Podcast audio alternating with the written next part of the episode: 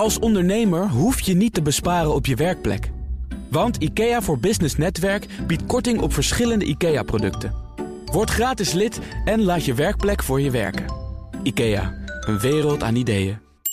gemeen hebben dat ze een groot deel van de banen gaat schrappen. En vanavond geeft het kabinet weer een coronapersconferentie. Is Rutte op tijd om een eh, tweede lockdown te voorkomen? En uh, als we er tijd voor hebben, ook nog uh, de goede cijfers van Ahold. Veel winst gemaakt. Wordt die eerlijk verdeeld? Dat en meer bespreek ik in het boardroom panel. Daarin zit Charling Teamstra, commissaris bij ABN AMRO... en Royal Haskoning, DHV. Kees Kools, hoogleraar Corporate Finance and Governance... aan de Tilburg University. En mijn zakenpartner is Tanja Nagel, onder andere commissaris bij EY, PNO Consultants en Oncode... en bestuursvoorzitter van DSI. Welkom allen. Kees. Goedemiddag. Traditiegetrouw kom je hier binnen. Charling, ook fijn dat jij er bent. Ben je hier ja. binnengekomen met een uh, FD onder je arm, wijzende op de voorpagina. Uh, we hebben het er kort over gehad al in dit programma. De brillenoorlog die gaande is. Deurwaarders die bij de partij die wordt overgenomen zijn binnengevallen. Omdat er uh, sprake zou zijn van achtergehouden informatie. Wat denk je als je dat leest? Het gaat over een brillenfusie met een waarde van hoeveel miljard ook alweer? Ja, ik wist niet dat een brillenwinkel 7 miljard waard kan zijn. Maar deze, deze brillenwinkel blijkbaar wel. Ja, kijk, het is natuurlijk een, het probleem als je nu heel, heel vaak ziet. Tanja zei net al, de eerste was uh, toen met NIBC, NIBC, geloof ik. Kijk aan, de ene, kijk, aan de ene kant is het natuurlijk wel Kijk, het is zuur. Want als je iets hebt gekocht en tegen de tijd dat het geleverd moet worden, is het opeens een stuk minder waard. En dan snap ik ook wel dat je kijkt wat er kan gebeuren. Maar ja, dan worden er toch wel heel veel, volgens mij, als ik zo pas dan bekijk, spelletjes gespeeld. En, en dingen bedacht en verzonnen die, ja, die dan niet, niet juist of niet terecht zijn ja, ze hebben natuurlijk voor het belangrijke deel gewoon pech gehad. En dat is heel zuur, maar betekent nog niet dat je. Ja, dat betekent nog niet, vind ik, dat je dan ook maar eigenlijk vrij ongeoorloofde argumenten en, en praktijken moet hanteren. Ik, ik ken deze praktijk ook nog niet echt, moet ik zeggen. Deurwaarders laten langs uh, gaan om. Maar het schijnt, ik zie je ook kijken, Hans Schenk zei het ook al, het komt vaker voor. Nou ja, kijk, wat wel vaker voorkomt, ik weet niet of je dat bedoelt, is dat er een een, een, een, overname is of een fusie en dat vervolgens uh, of er gebeurt extern iets of intern gebeurt er iets waardoor je er geen zin meer in hebt. Nee, dat begrijp ik, maar dat je deurwaarders laat oh, langsgaan, okay. dat er een inval plaatsvindt bij, oh, bij Hal bijvoorbeeld ook, hè, die hier achter zit als grote investeerder. Ja. Um, en bij die winkel zelf, dat, dat leek mij toch iets wat vrij uitzonderlijk is. Ja, maar dat, dat is ook, kijk, het feit dat het nog wel eens ooit eerder is gebeurd, betekent niet dat het niet uitzonderlijk is. Het is natuurlijk wel uitzonderlijk. Um, maar het gaat er ook ja, vooral om wat ik al zei. Of hoe, hoe ver is het op een gegeven moment nog om. En hoeveel wil je gaan als je ja, weliswaar gewoon pech hebt gehad. En daar gaan we natuurlijk over gaan praten. En dan zou ik zeggen, aan beide kanten moet je wat water in de wijn doen. Maar niet. Maar dat zou normaal een grens aan moeten zijn. Maar, Tanja, die is, komt uit de financiële wereld, die weet er veel meer van dan ik. Nou, ik kijk nu ook naar Tanja. Tanja, je hebt nu Kees gehoord, je hebt Hans Schenk gehoord eerder in deze uitzending. Is het een gevalletje pech? Speelt hier wat anders? Nou, dat weet ik natuurlijk ook niet, want we weten allemaal de ins en outs niet. Maar wat we lezen maakt het wel een gek verhaal. Ik ben het met Kees eens. Weet je, je hebt getekend, je hebt, hebt een overeenkomst. En natuurlijk kunnen er redenen zijn waarom je gezamenlijk, zoals bij NIBC, kennelijk wel de uitkomst was. Waarbij je toch nog beide tevreden met een andere deal doorgaat. Maar dit soort praktijken komen toch wel een beetje gek over. Challing, heb jij het ook uh, tot je genomen? Ja, uiteraard. Um, ik ken natuurlijk ook het contract niet. Maar wat meestal bij dit soort overeenkomsten uh, zit er een zogenaamde Material Adverse Change uh, clausule in. Uh, die bepaalt dat als er tussen het moment van de voorlopige overeenkomst en de feitelijke overdracht iets wezenlijks gebeurt, en dat is echt de, de big issue. En dat was geloof ik bij NRBC was dat geloof ik ook het geval. Uh, ja, dan heb je als koper natuurlijk het recht om uh, te, de, de hele deal ter discussie te staan. Dat staat gewoon in die overeenkomst. Kijken hoe ver je daarmee gaat. En dat ben ik met Kees eens. Je moet natuurlijk uh, wel binnen het betamelijke blijven. Maar ja, het gaat hier om zoveel geld dat uh, betamelijk wil, die grenzen willen nog wel eens opgerekt worden. Ja, maar, maar volgens mij zegt Kees in eerste instantie: het is een gevalletje pech gehad. En niet zozeer, er gebeurt nu iets waardoor je misschien toch onder het contract uit kunt komen. Nou, nee, dat kan me niet voorstellen. Kijk, je, je, er zit in zo'n clausule, in zo'n MAC, uh, is altijd een, een, grote discussie wat daar wel en niet onder valt. Maar dat is niet een gevalletje pech. op een gegeven moment zijn de situaties echt anders. En dan moet er opnieuw naar zo'n deal gekeken worden, zolang die nog niet gesloten is. Ja, en hier speelt overigens ook nog mee dat waarschijnlijk dat bedrijf veel minder waard geworden is. Maar dat de Europese toezichthouder ook heeft gezegd: hey, samen worden jullie veel te groot. Er moeten winkels worden afgestoten. Als deze deal echt doorgang vindt, dat is dan Kees de volgende onaangename verrassing. Nou ja, maar dat speelde sowieso al, had ik begrepen. Dat, dat, dat weet je ook nooit wanneer dan de Europese Commissie daar iets over zegt. Maar dit was ook een punt geweest zonder, uh, zonder, zonder de coronacrisis. Uh, nou ja, ja, het is een beetje zuur, maar. Uh, ik zie dat jij even je bril goed recht zet. Nou ja, omdat ik wou zeggen, het is een beetje zuur. Want ik heb begrepen dat er nu ook een aantal winkels dicht moeten. Dus dat Europese probleem wordt ook vanzelf minder. Op die manier, zeker weten. Ja, en stel nou dat uh, Charling deze bedrijven alsnog uh, met elkaar doorgaan. Wat moet er dan als eerste worden gladgestreken? Want ja, het zou natuurlijk kunnen zijn dat dit toch een combinatie wordt. Maar dan is er wel het een en ander aan vooraf gegaan. Ja, maar dit is natuurlijk gewoon een overname uiteindelijk. Hè? En ik zou je zeggen dat uh, het bij dit soort dingen zo dat in de voorfase uh, kan er bloed tegen de muur gaan. Maar op het moment dat het eenmaal zover is dat de deal gesloten is, dan stap je daar heel snel overheen. Hm. Er komt sowieso meestal een, een, een wisseling van de wacht. En uh, dit soort dingen. Iedereen die fight zijn zo'n corner. En daar heeft iedereen het recht toe. Ja, dus op een gegeven moment is het ook weer snel vergeten en vergeven. Ja, absoluut. Nou ja, wacht even, maar dat is precies het punt. Everybody fights his own corner. Maar met welke instrumenten en hoe ver, hoe ver ga je daarmee? En wat je dan op een gegeven moment zegt, van, ja, naarmate, er meer, naarmate er meer geld mee gemoeid is, kun je ook verder gaan. Nou ja, oké, dat is dan maar, dat is maar de vraag. Bedrijven die ook ver moeten gaan, en zeker als het gaat over snijden in hun eigen personeelsbestand. Ik heb er net een paar genoemd. Uh, Booking uh, kwam er uh, recent bij, KLM, Dames Shipyards, Mediamarkt. die hebben nu allemaal moeten aangeven, we gaan met aanzienlijk minder mensen door. Is dat, uh, Charling, een heel logisch gevolg van allerlei regelingen die op hun einde lopen? Het feit dat er ook niet heel erg snel zicht is op economisch herstel? Wat je bedoelt dat, uh, dat bedrijven hun, hun kostenstructuur aanpassen? Ja, dat is netjes uitgelegd wat ik bedoel, ja. Ja, maar daar komt het uiteindelijk op neer. Kijk, ik denk dat je ervan uit moet gaan... je hebt als bedrijf verantwoordelijkheid voor de continuïteit van de onderneming... En je, het is een verschrikkelijk verlies om mensen die je opgeleid hebt, die gemotiveerd zijn voor je bedrijf, die, waar je je bij betrokken voelt, et cetera, om, om die te, de, te vragen om het bedrijf te verlaten. Even los van het feit dat het altijd een hoop geld kost. Maar je verliest ook een hoop talent. Dus dat is geen lichte stap. Maar als het echt niet anders kan, is het beter dan mensen zinloos in dienst te houden. En dat is zowel voor de mensen niet goed als voor jou als bedrijf niet. Ja, het idee van die regelingen was overigens volgens mij dat mensen. Uh, niet alleen uh, later op straat zouden komen staan, maar gewoon überhaupt niet op straat zouden komen staan. En nu hoor je toch verschillende bedrijven zeggen: ja, het heeft ons uh, tijd gegeven, hè, het heeft wat dingen uitgesteld.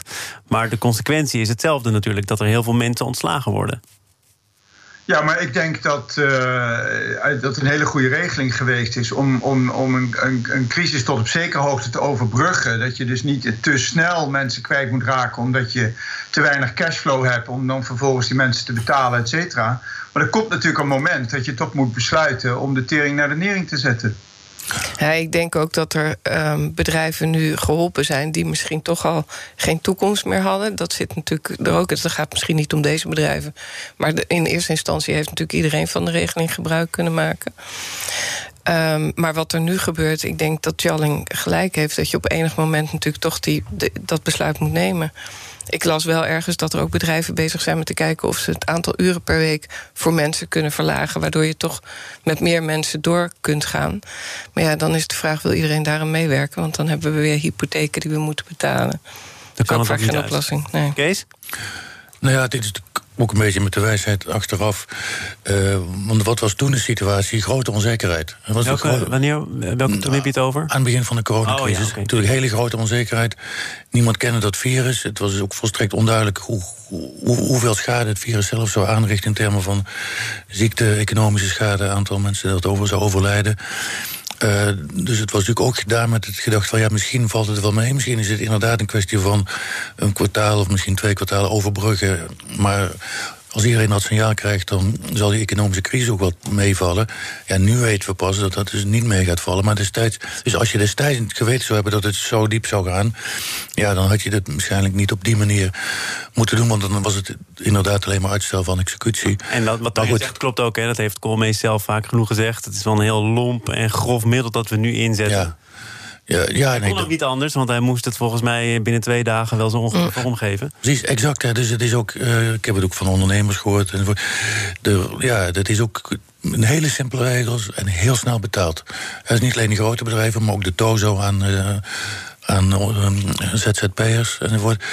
Ja, dus, dus, in die zin kun je zeggen, natuurlijk alle lof voor het kabinet dat ze um, zo snel zo'n regeling hebben uh, uitgeroepen en geïmplementeerd ook. Echt met een tempo van implementatie. Ja, die tweede is alweer wat anders dan de eerste. Hè. We zitten alweer in NOW 2. En in NOW 2 was het ook nodig om volgens mij als je grote ontslagrondes uh, van plan bent... om dat dan wel echt in strikt overleg te gaan doen met vakbonden. Dat doe je waarschijnlijk sowieso. Nee, zeker, dat zijn de regels. Maar die regels zijn dan vervolgens ook heel snel geïmplementeerd en uitgevoerd. Hè. Dus meteen werd geld overgemaakt aan voor Tozo-mensen... maar ook aan die ondernemingen als ze het vroegen. En dan werd pas achteraf, achteraf werd het pas, werd het gecontroleerd. Dus dat is op zich goed. Maar ja, Achteraf is altijd makkelijk praten. Charling, eh, Tanja haalde net aan dat er bedrijven zijn die op een andere manier proberen toch zoveel mogelijk mensen aan het werk te houden. Eh, de NS was gisteren in het nieuws omdat de eh, RTL Z bronnen heeft gesproken die zeggen dat daar op tafel ligt dat het personeel salaris moet gaan inleveren of op zijn minst de lonen bevroren moeten worden. Ehm, kan dat eigenlijk zomaar? Nou ja, je hebt natuurlijk een overeenkomst met je werknemers. En dat kan een collectieve overeenkomst zijn of een arbeidscontract. Dat hangt van het niveau af natuurlijk en het soort organisatie. En uh, ja, waar twee partijen het samen eens worden om een contract te veranderen, kun je een contract veranderen.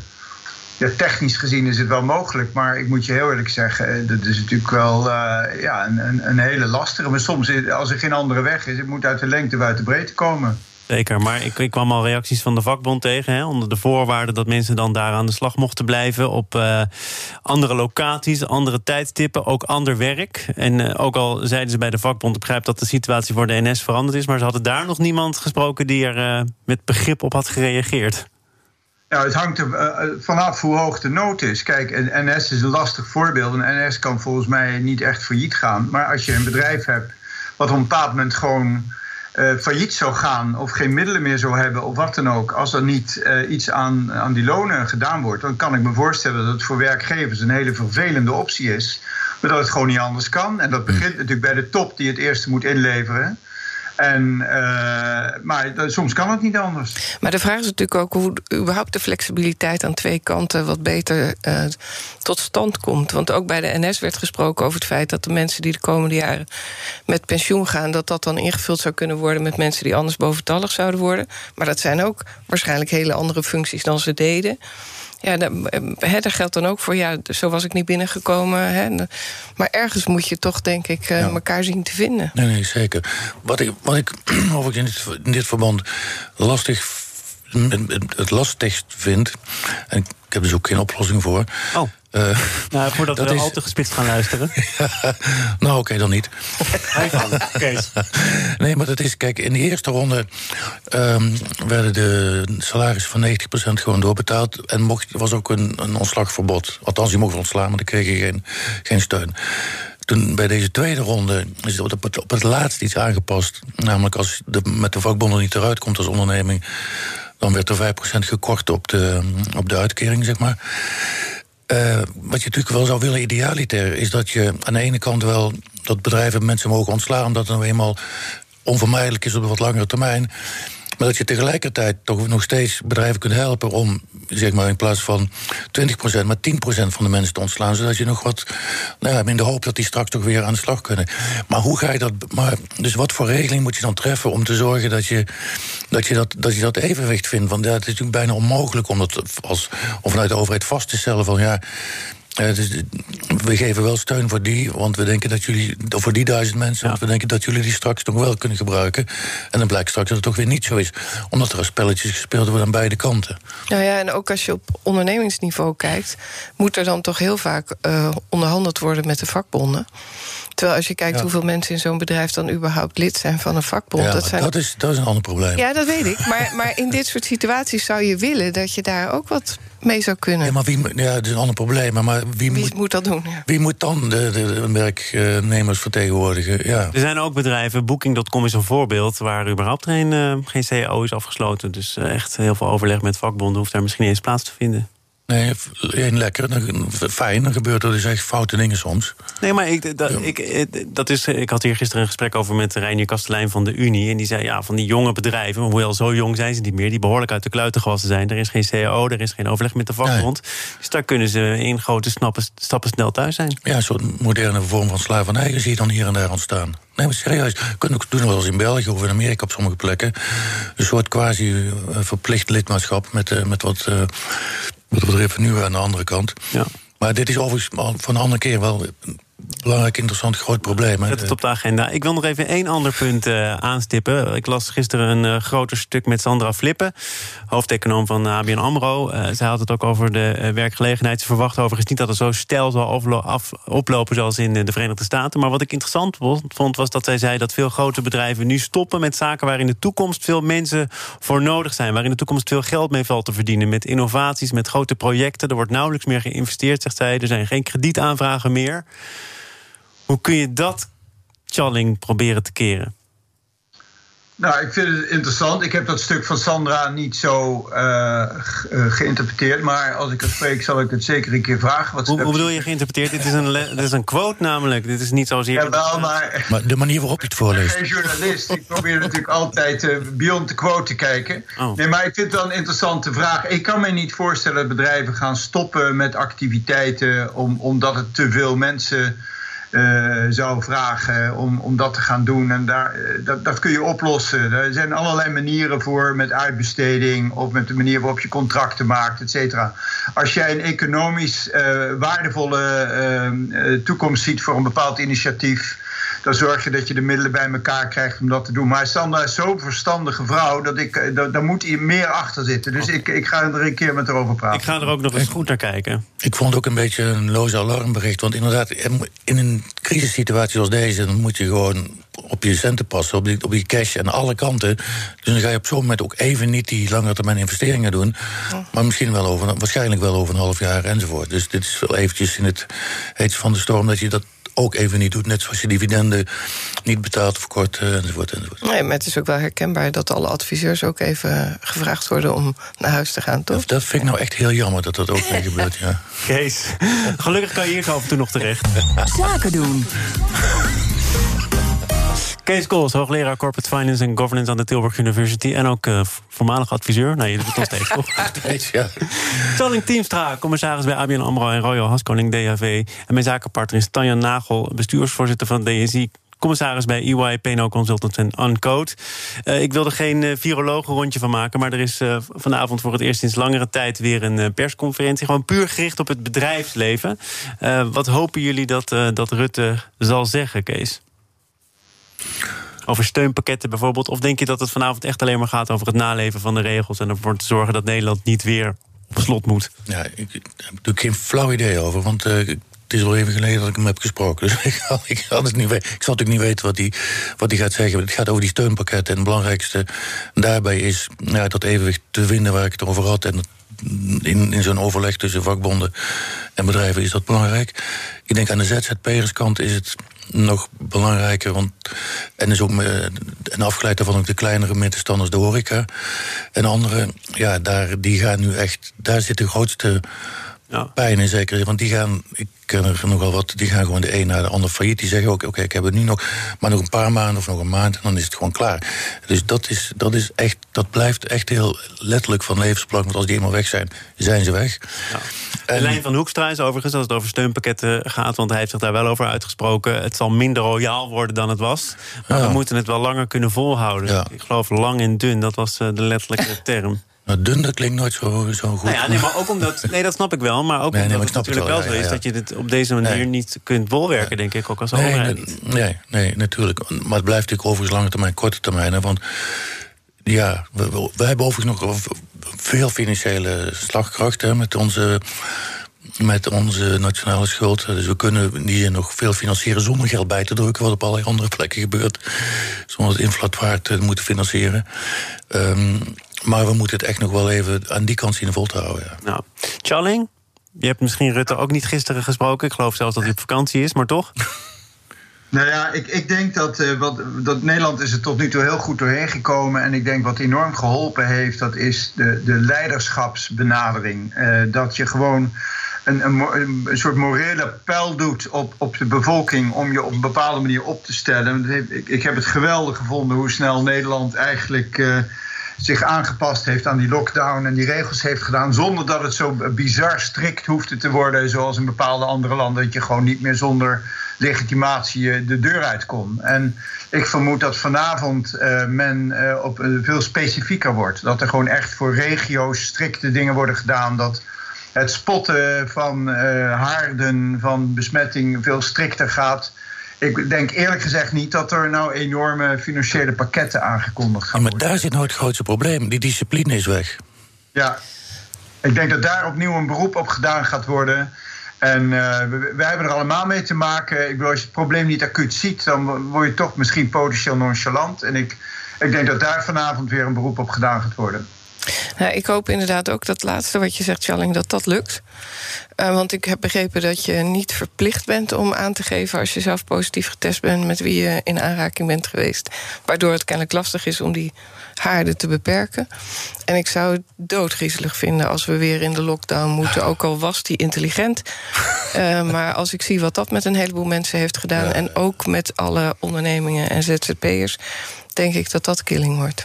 Ik ja, wil, Charling, uh, tot slot nog even naar Ahold Delhaize. Want wat we ook allemaal gedaan hebben is massaal boodschappen, massaal hamsteren. Dat blijkt ook uit de cijfers. Uh, en nu is de vraag, hoe wordt die winst verdeeld? Het interimdividend is behoorlijk verhoogd met 20 cent per aandeel. En de vakkenvullers, de medewerkers van Albert Heijn... Die uh, profiteren ook van die goede cijfers. Die krijgen namelijk allemaal een bol.com-bon van 25 euro. De dochteronderneming van uh, Albert Heijn, van Ahold. En er zijn er mensen die zeggen uh, dat dat niet helemaal eerlijk is. Dat die aandeelhouder toch weer voor het personeel gaat. Kees, ik weet dat jij hier ook opvattingen over hebt. Wat denk jij als je dit ziet?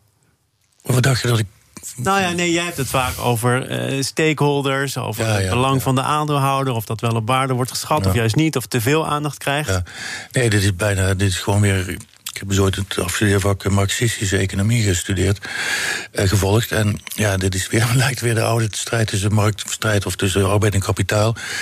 Nou, ik heb, ik, ik heb net gelezen dat er nu opeens een redelijk riante uh, regeling gaat komen, ook voor de, voor de werknemers. Ja, bedoelt, de, ze delen mee in de winst in een soort eindejaarsuitkering? Ja, en, ja, en er staat nu concreet hoe dat gaat op verschillende plekken in de wereld. Anders in Amerika dan in Nederland enzovoort. Het jammer is natuurlijk alleen dat, dat, ja, dat ze dat nu achteraf bedenken of meekomen... nadat er zoveel commentaar ja, op is geweest. reparatie Ja, precies. Ja. Dat is gewoon reparatie. En dat is dat is natuurlijk toch wel heel droevig. Hè? Dat ik, als ik door zo'n winkel loop, Albert Heijn ook, dan, uh, dan vraag ik gewoon wel eens aan mensen: van, is het leuk hier? Was het leuk werk? Heb je een leuke baas? En dat soort dingen. Dat vraag je aan die mensen? Ja, ja, maar op allerlei plekken. Je moet toch een beetje weten, weten hoe de wereld uh, in elkaar zit. En dan, nou ja, dan heb je echt op allerlei plekken flink en hard gewerkt. En ook onveilig gewerkt. En met, en met klanten die zouden te zeuren over ja, dit en dat. Dus ja, dit is zo jammer dat dit dan weer. Uh, want dit komt dus niet uit het bedrijf zelf. Dit komt van buiten. Maar dat had je toch kunnen zien aankomen? We hebben allemaal gezegd dat die vakkenvullers uh, helden zijn. Dat de supermarkt bleef draaien. Daar hebben we allemaal, ik weet niet voor geklapt. Maar in ieder geval van ingezien hoe vitaal dat allemaal is. Precies, maar dat is precies mijn punt. En dan nog doe je het niet. Ja. Charling, hoe kan dat? Nou ja, ik denk dat het voor zo'n bedrijf als Ahold ontzettend moeilijk is om een, een, een variabel uh, uh, beloningssysteem te ontwikkelen, wat ook motiverend is. En waar ook geen, uh, klinkt een beetje rationeel, maar waar ook geen precedentwerking van uitgaat. Want kijk, uh, ik denk dit was voor ons allemaal volstrekt onvoorspelbaar. En ja, ik denk dat je pas. Uh, we wisten van tevoren allemaal helemaal niet hoe die cijfers en die dingen zich zouden ontwikkelen. Welke branche het goed zou doen en welke niet. En dat er dus zekere mate van achteraf correctie plaatsvindt, uh, kan ik me nog wel iets ja, maar dit is, dit is achteraf naar aanleiding van de, van de krantenkop. Ik neem toch aan dat ze bij Ahold op een gegeven moment wisten... we hebben een geweldig tweede kwartaal gedraaid. Hey, maar, hoe zullen we dat eens gaan verdelen? En met Charling, dit, kun je toch, dit, is toch, dit, is toch, dit is toch niet waar wat je zegt. Het is toch niet ingewikkeld? Ingewikkeld. binnen twee dagen hebben ze het bedacht. Als ze ook eerder kunnen bedenken. Luister, Kees. Uh, Ahold Zo, nu wordt het persoonlijk. De hele wereld zit. En uh, er zijn niet, niet iedereen heeft op dezelfde manier last gehad van het extra harde werken, et cetera, et cetera. En je moet bij, nou dat weet jij ook, je moet bij een variabel beloningssysteem moet het zo specifiek mogelijk zijn om het gemotiverend en rechtvaardig te maken.